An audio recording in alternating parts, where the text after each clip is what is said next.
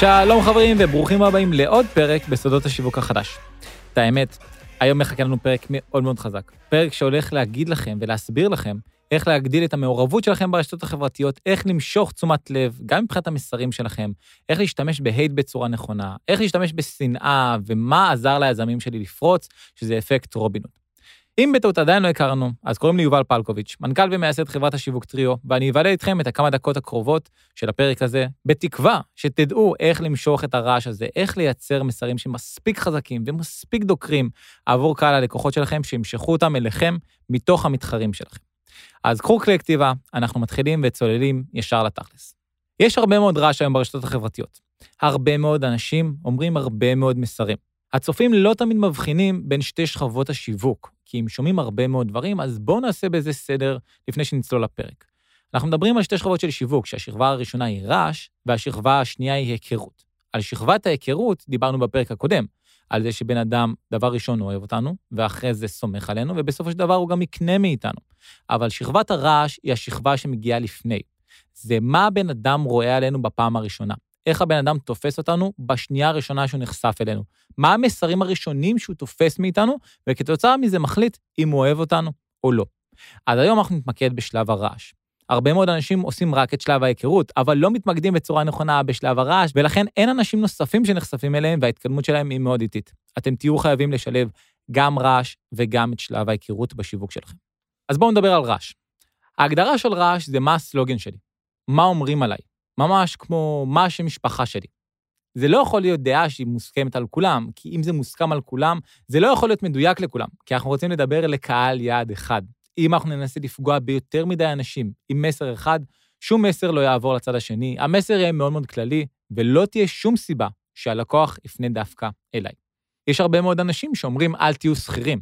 זה מסר של רעש, זה לא מסר של היכרות. זה מה שימשוך אנשים לתוך העמוד שלכם, זה מה שימשוך אנשים כדי להתקרב אליכם. אבל שלב ההיכרות קורה רק אחר כך. זה קודם כל שלב הרעש. מן הסתם שהמסר הזה לא יהיה מוסכם על כולם. אני בטוח שהאנשים האלה לא חושבים שהשכירים הם אנשים רעים, אבל כמסר שעושה רעש, הם צריכים לעשות משהו שהוא מספיק חזק ומספיק מעורר פרובוקציה כדי למשוך את מי שלא רוצה להיות שכיר אליהם. כמובן שהשכירים מאוד מאוד יתעצבנו עליהם, והדעות הרעות והקשות יהיו דווקא מהשכירים. בהמשך נדע גם איך לטפל בדבר הזה. אחרי שהבנו מה ההבדל בין רעש לבין היכרות, אני רוצה שנבין מה המסרים שלנו, מה השם משפחה שלנו, ואמרנו שזה המסר הכללי שלנו. כל מסר מתחלק לשני דברים, למי אומר ומה הוא אומר. בואו ניקח את הדוגמה הבאה. תיזכרו במקרה בילדות שלכם, שהיה לכם איזה מחלה או נהייתם ממש חולים בהתחלה, ואימא שלכם או אבא שלכם אמרו לכם, אוקיי, אני יודע בוודאות זה המחלה הזאת. כואב לכם כנראה הגרון, כנראה יש לכם מיגרנה וזה מה שאתם צריכים לעשות. כנראה שלא הקשבתם להם בלב שלם. רציתם ללכת ולראות רופא. אמנם מי שאמר את זה, זה ההורים שלכם, זה אנשים עם סמכות. אבל מי אמר שהם אנשים עם הסמכות לקבוע במה אתם חולים? אחרי ששמעתם את הדעה מהרופא, הייתם בטוחים במה שיש לכם ולא הייתם צריכים לשמוע דעות אחרות. יכול להיות שהדעה של הרופא והדעה של ההורים שלכם הייתה אותה דעה בנוגע למה אתם חולים.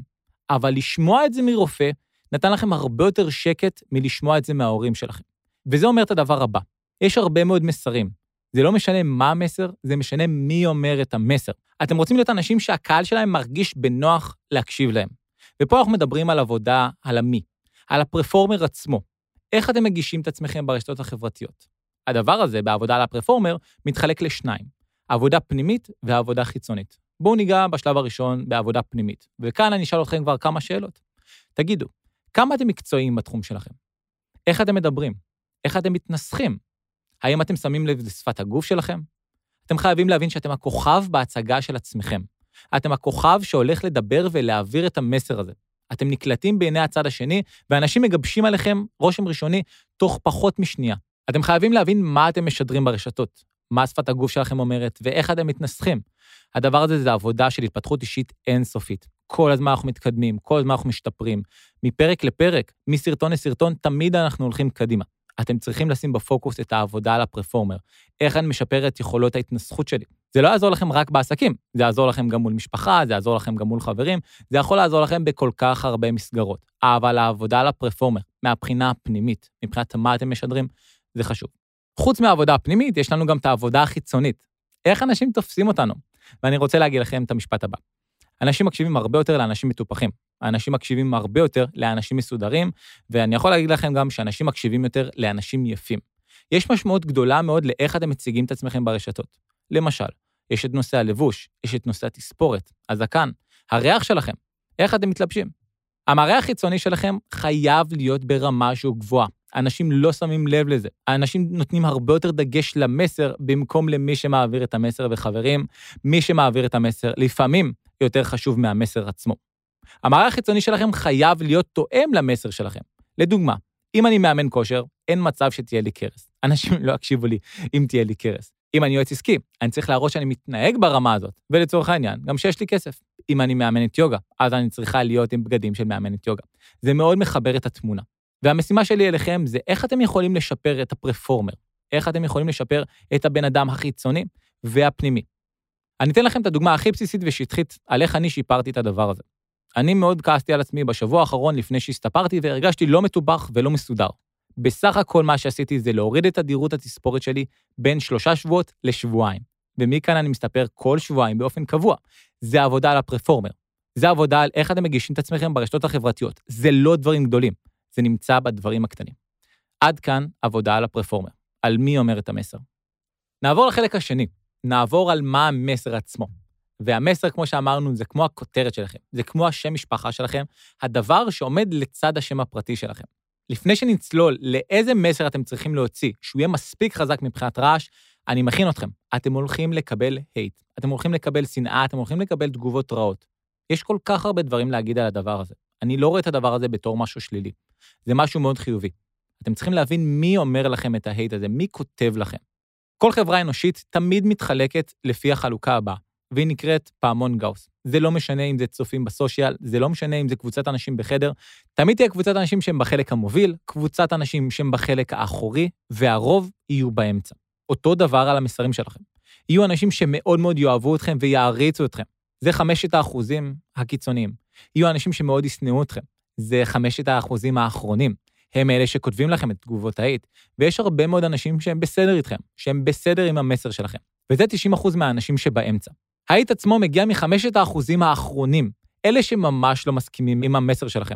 האנשים שבסדר עם המסר שלכם, הם לא מגיבים לכם בכלל. זאת אומרת שכל הקרב שלכם, מה שאתם רואים ומה שמעל פני השטח, זה אנשים שמאוד מעריצים אתכם, לעומת אנשים שמאוד שונאים אתכם. יש לכם כל כך הרבה אנשים במרכז העקומה, שאתם יכולים לשכנע ולהשפיע עליהם, להגיע לחלק הקדמי של העקומה. מי שיכתוב לכם זה אנשים שממש לא מסכימים עם המסר שלכם. איך שזה בא לידי ביטוי בסושיאל, זה שאותם אנשים מגיבים, אותם אנשים מייצרים דחיפה לאלגוריתם, וכתוצאה מזה הרבה יותר אנשים נחשפים אליכם. זאת אומרת, חמשת האחוזים של ההייט, חמשת האחוזים של האנשים שלא אוהבים אתכם, גורמים לחשיפה שלכם להגיע ל-95% מהאנשים שיכולים לאהוב אתכם. מתוכם חמישה אחוזים יעריצו אתכם. זאת אומרת שהאנשים שכותבים לכם תגובות רעות בעצם מקדמים את האנשים הטובים ביותר אליכם. הם מקדמים אליכם את הלקוח האידיאלי שלכם. וזו הסיבה למה אני כל כך אוהב הייט. זה דבר שהוא כל כך נכון להשתמש בו, וצריך להבין איך להשתמש בו. אסור להיעלב מהדבר הזה, אסור לקחת את הדבר הזה אישית, וצריך להבין שבסופו של דבר זה יכול לשרת אתכם ולקרב אליכם את רוב הלקוחות הטובים ביותר שלכם. אחרי שהבנו שהייט זה דבר תקין וזה בסדר להשתמש בו, אנחנו רוצים לנסח לעצמנו איזשהו מסר שיהיה מאוד חזק עבור קהל היעד שלנו, ועבור האנשים שלא אוהבים אותנו, הוא כנראה יעצבן אותו. הדבר הזה נקרא אפקט רובינון. הבטחתי שאני אדבר על הדבר הזה. זה מה שעזר ליזמים שלי להכניס מאות אלפי שקלים ובאופן אישי לייצר לכל אחד מהם פריצה מטורפת שמשכה אליהם את הלקוחות הטובים ביותר שלהם. זה מה שהפך אותם לאוטוריטות בתחום שלהם, וכתוצאה מזה הבידול שלהם היה מאוד מאוד חזק. אז בואו נבין מה זה אפקט רובינון. למה העניים אוהבים את רובין הוד? כי הוא גונב מהעשירים ונותן לעניים. אז מעבר לזה שהוא נותן לעניים, יש סיבה מאוד ברורה. יש להם אויב משותף. גם רובין הוד שונא את העשירים, וגם העניים שונאים את העשירים. הדבר הזה מקרב את העניים לרובין הוד עד למצב של הערצה. איך אפשר לקחת את הדבר הזה לעולם העסקי? בואו אני אתן לכם דוגמה. נירו לוי, תזונה וכושר לחיילים בצבא. איך להוריד את הכרס תוך כדי השירות הצבאי. נירו יצא נגד חדרי האוכל הצבאיים ואמר חלאס להכניס שמן באוכל. הדבר הזה משך אליו את כל החיילים. כולם שונאים את החדר האוכל הצבאי. עוד דוגמה, עדי הגיא. עדי הגיא עוזרת למוזיקאים לשווק את עצמם. המסר השיווקי, חלאס לשלם עשרות אלפי שקלים למפיקים שגוזרים עליך כסף. זה משך את כל המוזיקאים שרצו לעשות את זה בעצמם לתוכנית הליווי של עדי. ליאם רוזיליו, ליאם הוא מתכנן פיננסי ועוזר לחיילים לבנות לעצמם עתיד טוב יותר. המסר השיווקי, אתם לא רוצים להיות כמו ההורים שלכם, ואתם אלה שתשברו את מעגל העוני. אני יכול לתת עוד הרבה מאוד דוגמאות לאיך הדבר הזה בא לידי ביטוי, ו-95% מהעסקים מקבלים את אפקט רובינות. אז בואו נבין איך למצוא את הדבר הזה. המושג החשוב ביותר שאתם צריכים לדעת בשיווק זה מה המכשולים של הלקוח. מה הלקוח שלי מנסה לעשות כדי לפתור את הבעיה, ושם הוא נכשל. אתם צריכים ממש לדמיין את הלקוח שלכם, מתחיל לעשות פעולה מסוימת, והמכשול הראשון שהוא נתקע בו גורם לו להפסיק, גורם לו להתייאש, גורם לו לא להגיע למטרה שלו. הדוגמה של נירו, זה חדרי האוכל הצבאיים שמונעים מהאנשים לרדת במשקל. הדוגמה של הגיא, זה אותם מפיקים שגורמים למוזיקאים בתחילת דרכם להישאר פשוט מרוששים. אצל ים רוזיליו, המכשול העיקרי הוא ההורים, ולכן אנחנו יוצאים נגד ההורים, ואנחנו אומרים לשבור את מעגל העוני של ההורים שלך. כל הזמן אנחנו מדברים על המכשול המרכזי, על מה מונע מהאנשים להגיע למטרה שלהם, וזה אפקט רומידון. ברגע שאתם תצאו נגד המכשול העיקרי של הלקוח שלכם, נגד הדבר שהוא ניסה והוא יתאכזב ממנו, אוטומטית זה יקרב את הלקוח שלכם אליכם. הדבר הזה צריך להיות מאוד מאוד ספציפי. זאת אומרת שאם אתם לא תשתמשו בקהל יעד מדויק, לא יהיה לכם את אפקט רובינות, כי אתם לא תדעו מה המכשול הספציפי שאותו לקוח חווה. במידה וקהל היעד שלכם יהיה מספיק מדויק, אוטומטית יקפוץ לכם אפקט רובינות. אם אפקט רובינות לא קפץ לכם לעיניים, אז תדעו שקהל היעד שלכם לא מספיק מדויק. עד כאן אפקט רובינות. אם הבנתם את אפקט רובינות, הבנתם שהוא אמור לעצבן אנשים. לא את האנשים שאתם רוצים למשוך, אבל הוא עלול לעצבן אנשים. ואיפה אתם יכולים לשים את המסר הזה בצורה שהיא מספיק טובה ומספיק חריגה? אז כמובן שבערוצי החשיפה שלכם. דיברנו על זה בפרק הקודם, באיפה אנשים נחשפים אליי ואיפה אנשים קונים ממני. ולכן לשים את הדבר הזה בערוצי חשיפה, איפה שאנשים נחשפים אליי בפעם הראשונה, למשל טיק טוק או אינסטגרם ממומן או פייסבוק ממומן, זה אחלה של כלי כדי להוציא את המסרים האלה החוצה וכתוצאה מזה למשוך את הלקוחות הטובים ביותר שלכם. אם אתם תדברו על זה בערוצי המכירה שלכם, לפי המשפך שדיברנו בפרק הקודם, של No, Like, Trust וביי, יהיה לכם הרבה יותר קל. אתם רוצים לדבר על המכשולים שהלקוח שלכם חווה. אני יודע שזה כואב, אני יודע שזה דוקר, אבל זה מה שמניע אנשים לפעולה. אנשים מונעים 70% מכאב ורק 30% מעונג. רגש של כאב הוא חזק פי 20 מאשר רגש של חוויה טובה. וזו הסיבה שאנחנו מדברים על המכשולים. זו הסיבה שאנחנו שמים את אפקט רובינון בפרונט, כדי שהלקוח יוכל להתעשת על עצמו ולהגיד, אוקיי, עכשיו אני בא לפתור את הבעיה. זה המשמעות של hate, זה המשמעות של אפקט רובין הוד, זה המשמעות של איפה לשים את המסרים האלה כדי למשוך אלינו את האנשים הנכונים. המשימה הפרקטית שלכם מהחלק הזה של הפרק, היא לרשום את רשימת המכשולים של הלקוח שלכם. את רשימת הדברים שהלקוח ניסה לפניכם ולא הגיע לתוצאה הרצויה. זה יכול להיות הרבה מאוד דברים, אתם תבחרו את המכשול העיקרי. המכשול העיקרי כנראה יהיה אפקט רובינוד.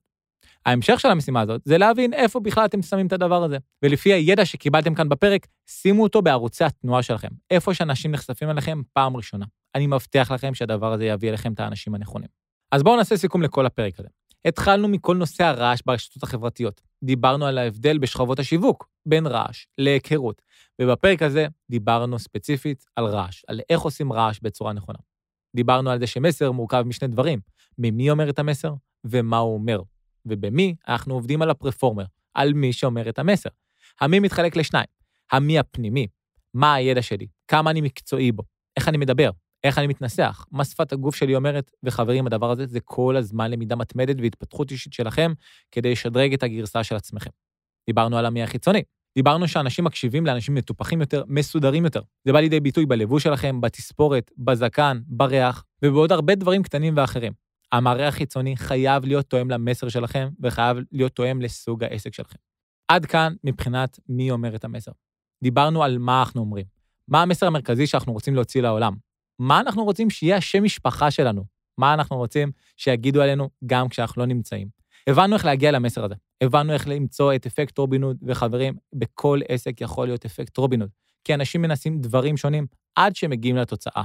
כל עוד בן אדם ניסה משהו אחר לפניכם, ורק אז הגיע אליכם, אז אוטומטית יש לכם אפקט רובין הוד בעסק. אם אין לכם, זה אומר שאתם עדיין לא מתמקדים בקהל יעד אחד. אז זהו חברים, זה היה הפרק של היום. הפרק הבא הולך לעסוק ב mindset. ב mindset של אנשי שיווק מצוינים.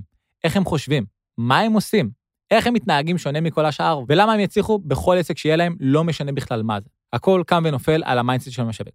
אני מקווה שהפקתם ערך והפקתם גם משימות מהפרק של היום. אם אנחנו רוצים לדבר עוד, אז אנחנו חייבים להיפגש באינסטגרם. תכתבו יובל פלקוביץ' באינסטגרם, אנחנו נוכל לדבר, בין אם זה בהודעות ואפילו בשאלות תשובות של סופש. עד כאן, סודות השיווק החדש.